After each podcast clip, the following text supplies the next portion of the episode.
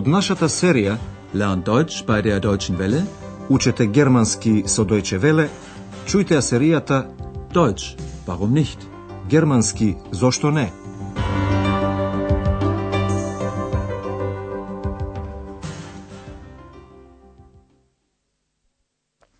Драги слушателки и слушатели, денес ќе ја слушнете лекцијата 24 од серијата 3. Лекцијата носи наслов Мртвите не се секогаш умрени. Tote sind nicht immer tot. Во минатата лекција, доктор Тюеман им кажуваше на Екси Андреас нешто за светски познатата болница Шарите, која се наоѓа во поранешниот источен дел на Берлин. Слушнете сега уште еднаш со што оваа болница е толку позната. Внимавајте на наставките на придавките. Die Charité war ein weltbekanntes Forschungszentrum. Man hat schon sehr früh komplizierte Operationen gemacht. Aber nicht nur das, es gab eine freie Forschung. Sehr gute Ärzte haben hier gearbeitet und mehrere Nobelpreise erhalten. Und heute? Ich habe gehört, dass es eine Initiative von jungen Ärzten gibt. Sie wollen dieses traditionsreiche alte Haus wieder beleben. Во близината на Шарите се наоѓаат познатите доротејски гробишта, Доротеен Фридхоф, најпознатите историски гробишта во Берлин. Тука се закопани познати поети, музичари и филозофи. Андреас сака да ги види овие гробишта. Фридхоф. Ек се љубопитна и го придружува. Слушнете го најнапред разговорот помеѓу нив двајцата за умрените.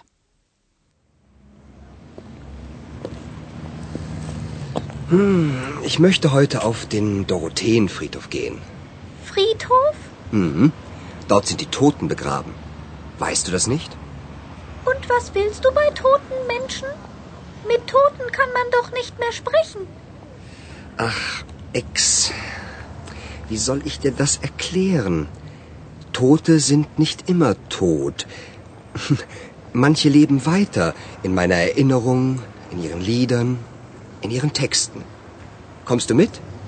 Ja, das möchte ich mal sehen.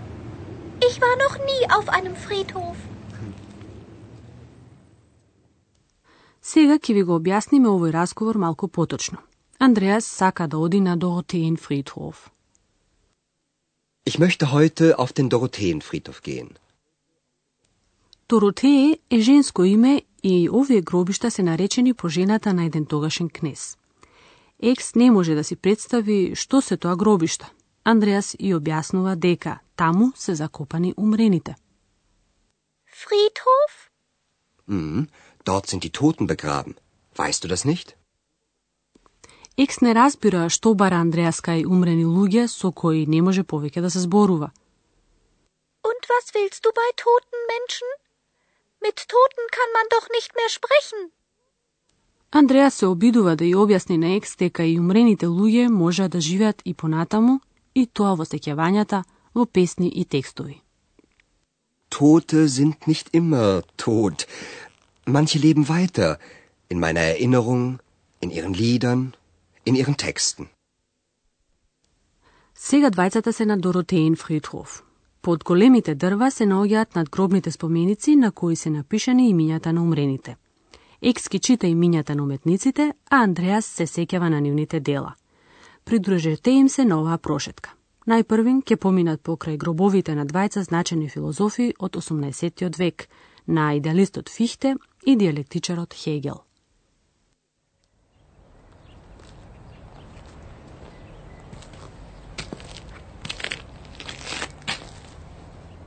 Johann Gottlieb Fichte.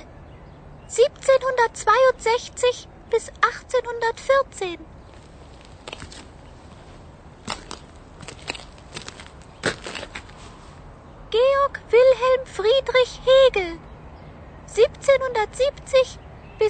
1931. И писателот Бертолд Прехт е закопан таму. Може би ја знаете неговата драма Трај Крошен опа. Андреас и Екс застануваат пред гробот на Брехт.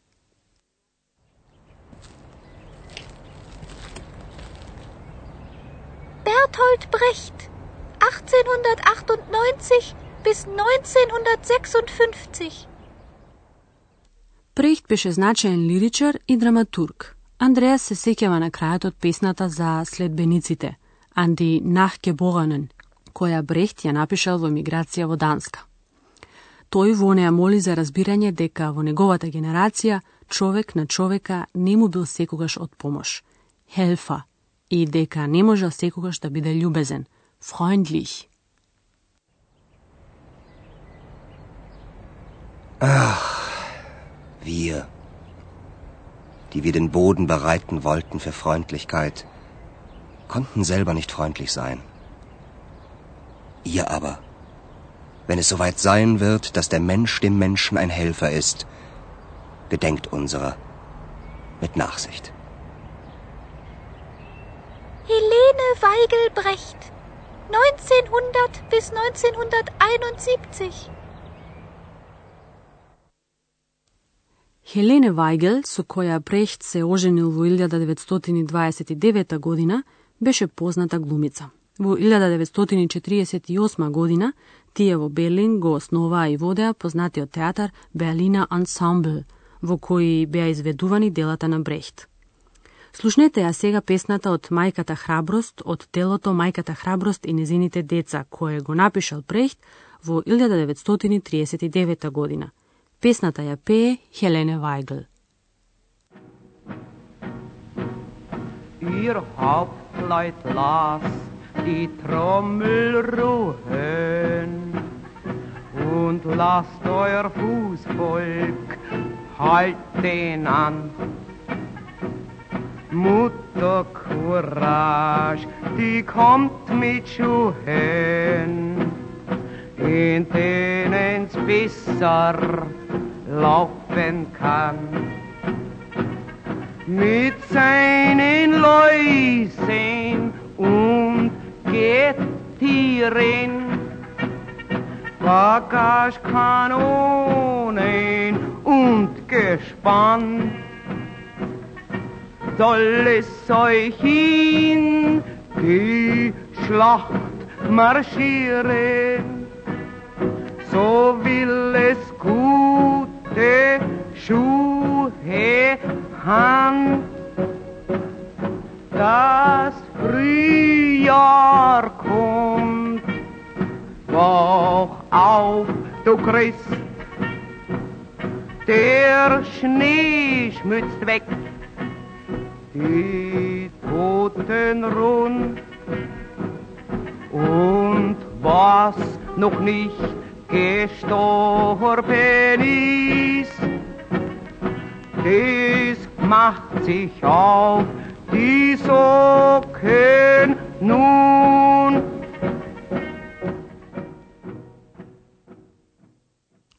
Делото е хроника од 30 годишната војна, а воедно и поука за војната. Мајката храброст, мута кураж, е пример за сиромашните луѓе кои морале да се борат за да преживеат во војната.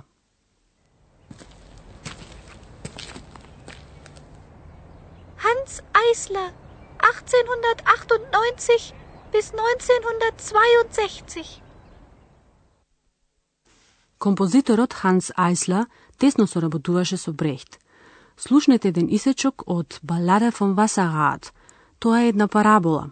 Како што водата го покренува тркалото, така многу луѓе работат за малобројните господари, Херен.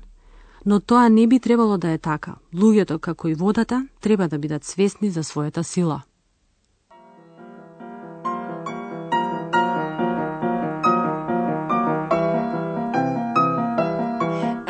Wir hatten viele Herren, hatten Tiger und Hyänen, hatten Adler, hatten Schweine, doch wir nährten den und jenen. Ob sie besser waren oder schlimmer, Ach, der Stiefel glich dem Stiefel immer, und uns trat er, ihr versteht, ich meine, dass wir keine andern Herren brauchen, sondern keine. Freilich dreht das Rad sich immer weiter. Das, was oben ist, nicht oben bleibt.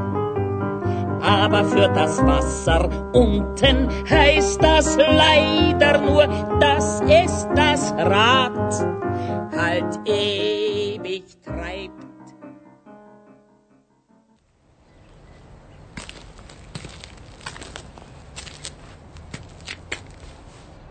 Heinrich Mann, 1871 bis 1950. Heinrich Mann, братот на Томас Ман, умре во Калифорнија пред да се врати во Германија. Во 1905 година тој го напиша романот Професор Unrat, кој во 1930 година беше филмуван под наслов Der blaue Engel со Марлене Дитрих во главна улога. Слушнете на крајот една песна од филмот.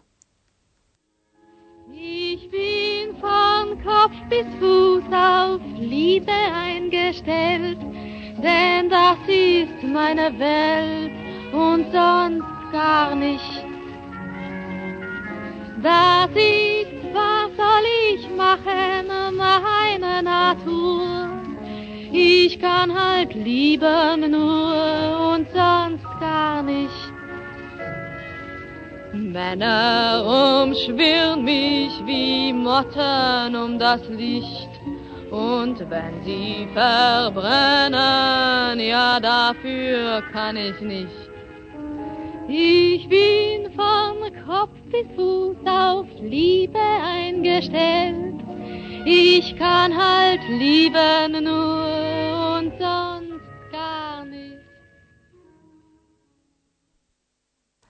Со тоа ја завршуваме прошетката низ еден дел од Доротеен Фридхоф. Не сакаме да го попречиме сеќавањето со граматички објаснувања. Седнете удобно и слушајте внимателно. Андреас и Екс разговараат за умрените.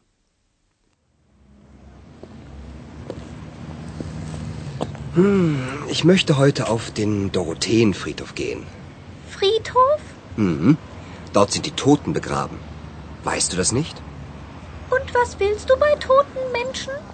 Mit Toten kann man doch nicht mehr sprechen. Ach, Ex.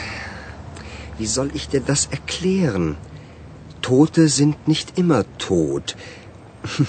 Manche leben weiter in meiner Erinnerung, in ihren Liedern, in ihren Texten. Kommst du mit? Ja, das möchte ich mal sehen. Ich war noch nie auf einem Friedhof. Слушнете еден кус исечок од песната на Брехт, Анди Нахгeborenen.